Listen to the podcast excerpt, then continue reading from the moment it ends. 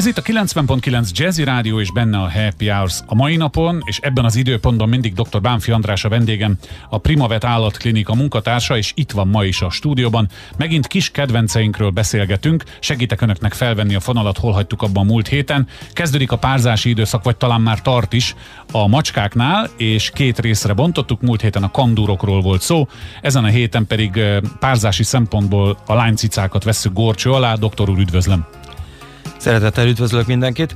Igen, múlt héten a kondorokról beszéltünk, és azoknak a verekedéseiről és azok következményeiről. Most inkább a nőstényekről beszélnék, a tekintetben, hogy a kiárós macska aktív kandúr jelenlétében természetesen pározni fog, és annak alom lesz a következménye és nem mindig kívánt a szaporulat. Hát igen. Gyakran inkább nem kívánt a szaporulat. Közelítsük meg onnan a kérdést, hogy, hogy nyilván szívük jogú ezt tenni, de hogy a, a szaporulattal mi történik. Inkább erről az oldalról nézzük ezt meg. Ö, azt kell mondjam, hogy a, a, a következmények azok, azok leginkább a, a kismacskákat sújtják, tehát a megszületett kismacskákat sújtják. A leg, leggyakrabban gyakorlatilag az első hat hónapot nem élik túl az almok, vagy csak nagyon kevés része éli túl az almoknak.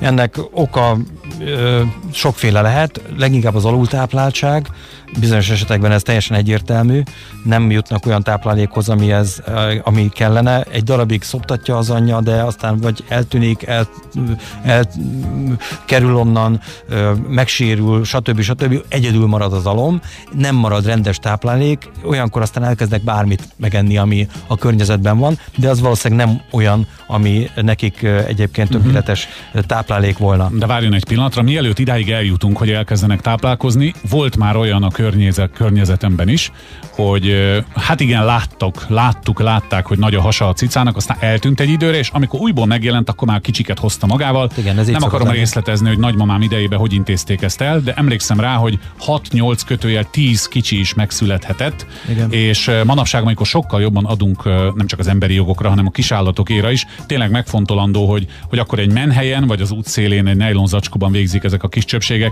akik a világon semmiről nem tehetnek. Szóval talán itt is a megelőzés az, amit így érdemes hangsúlyozni? Hát Kasztrálása a fiúcicáknál? Így van, és hát nőstényeknek az ivartalanítása, ami ez sajnos egy sokkal komolyabb műtét, mint a, a himeknek a, a kasztrációja. Ez egy hasérű műtét, ennek következtében teljesen műtéti körülmények, tökéletes műtéti mm. körülmények kellenek a, az elvégzéséhez. Ez minden szempontból kicsit bonyolítja a helyzetet. De nem lehetetlen misszió. De nyilvánvalóan mm, természetesen persze. nem lehetetlen, hát nyilván ezt mindenki csinálja, minden általános végzi ezeket a, ezeket a műtéteket. Az állatvédők is általában zászlajukra tűzik, és ez nagyon jó. Én azt gondolom, hogy tulajdonképpen az állatvédelemnek ez a legfontosabb szerepe, vagy legalábbis az én olvasatomban ez a legfontosabb szerepe, hogy a túlszaporodást mind kutyánál, mind macskánál próbálják meg fékezni, mert mindig a túlszaporodásból vannak a problémák, az ellenőrizetlen szaporodásból vannak a problémák, mert ezek a, ezek a szerencsétlen megszületett jelen esetben kismacskák fertőző betegségek, hiánybetegségek, balesetek és még erőszaknak is ki vannak téve. Az előbb említette a, a nejlozacskóban való folytást, vízbedobást, Igen. stb. stb. Az állatos irodalomban van egy olyan betegség, amit teljesen legálisan így használunk, hogy kuka-macska szindróma.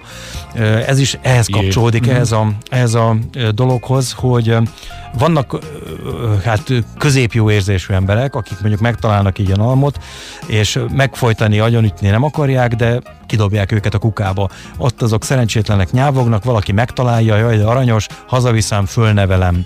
Most a fölnevelés Aha, ritkán, nagyon ritkán, nagyon ritkán történik professzionális szinten, általában tehéntejjel történik, ami elégtelen a, a macska szempontjából, mi elégtelen táplálék, nem, a, nem fajozonos táplálék, és ennek aztán a, ö, rengeteg fajta következmény lesz, csont elváltozások, csonttörések, túlságosan felpuhult csontrendszer, gerinc elfertülések, ö, különböző izületi idegrendszeri elváltozások, ö, fertőző beteg, immunhiány, ami a fertőző betegségek fogékonysága, és még ez. mindig, mm. mindig, és még, még mindig nem értem, értem, értem a, a sornak a végére, de mondjuk az immunhiányt azért érdemes kettővel aláhúzni. Ö, igen, tehát ezek a, ezek a szerencsétlen állatok többé-kevésbé Csak szenvednek. szenvednek és, és hát ki vannak téve a Mindennek. természet és mm. minden, minden viszontagságnak. Mi a megoldás? Nyilván az ivartanítás. Ezt általában az állatvédő egyesületek szokták segíteni is, kampányszerűen hozzátesznek, teszik a maguk tevékenységét, például a begyűjtésben. Megcsapdázzák ezeket a macskákat, akiknek nincs is valódi tulajdonosuk. Nem tudják elhozni, nincs, aki mm-hmm. betegye, mm-hmm. megfogja. Valahol néha ezek vadak, világos. vadak, ezeket néha csapdázni kell. Ilyenkor nagy segítség, hogyha van egy potens állatvédő egyesület ott a környéken, aki tesz is valamit ezügyben, pláne, hogyha még dotálják is az ilyen jellegű elváltozások, illetve nem elváltozások, hanem műtéteknek mm-hmm. a, a, a végrehajtását, az is egy nagyon fontos tevékenység, azt gondolom.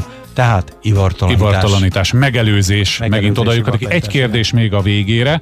Ugye azt mondta az elején, hogy ha potens a macska, akkor párosodni fog. Ne bízunk abba, hogy most nincs kedve a kandúrhoz, meg most, tehát hogy ne ruházzuk fel emberi tulajdonsággal, és, és, és hogyha megtörténik a baj, akkor már késő, ezt előtte kell rendezni. Hát természetes, persze, persze, mindig a megelőzés itt is a legfontosabb kérdés. Hát figyeljünk oda a cicákra, meg az éjszakai hangokra, és a lánycicákra, fiú cicákra is, mert felelősségünk van attól a pillanattól kezdve, hogy házi kedvencet vettünk magunkhoz, akármilyen is legyen az, vagy akármilyen nemű legyen. Dr. Bánfi Andrásnak, a Primavet állatklinika munkatársának köszönöm szépen. Jövő héten újból találkozunk, viszont hallásra. Én is köszönöm, minden jót.